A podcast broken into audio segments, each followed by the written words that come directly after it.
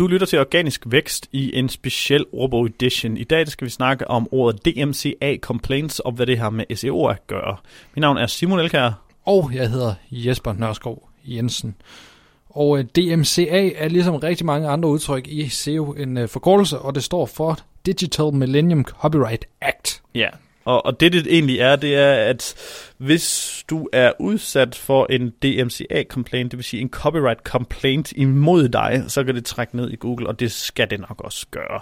Øhm, det er typisk, at hvis du har copyright på noget indhold, øh, eller nogle billeder, eller en video, eller noget andet, og øh, du ser, at du har nogen, der er copyright infringer, altså nogen, der, går, øh, der har taget dit copyright og brugt det, så kan du file sådan en øh, domain, øh, hvad var det? Digital Millennium Complaint. Jeg kan ikke lige kan den ikke i hovedet.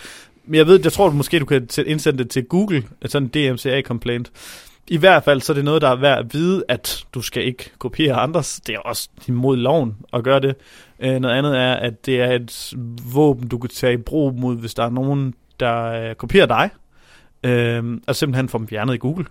Og det, det er ikke nødvendigvis det, det kan være en effektiv øh, trussel ja. og, og et redskab. Ja. Det var DMCA complaints.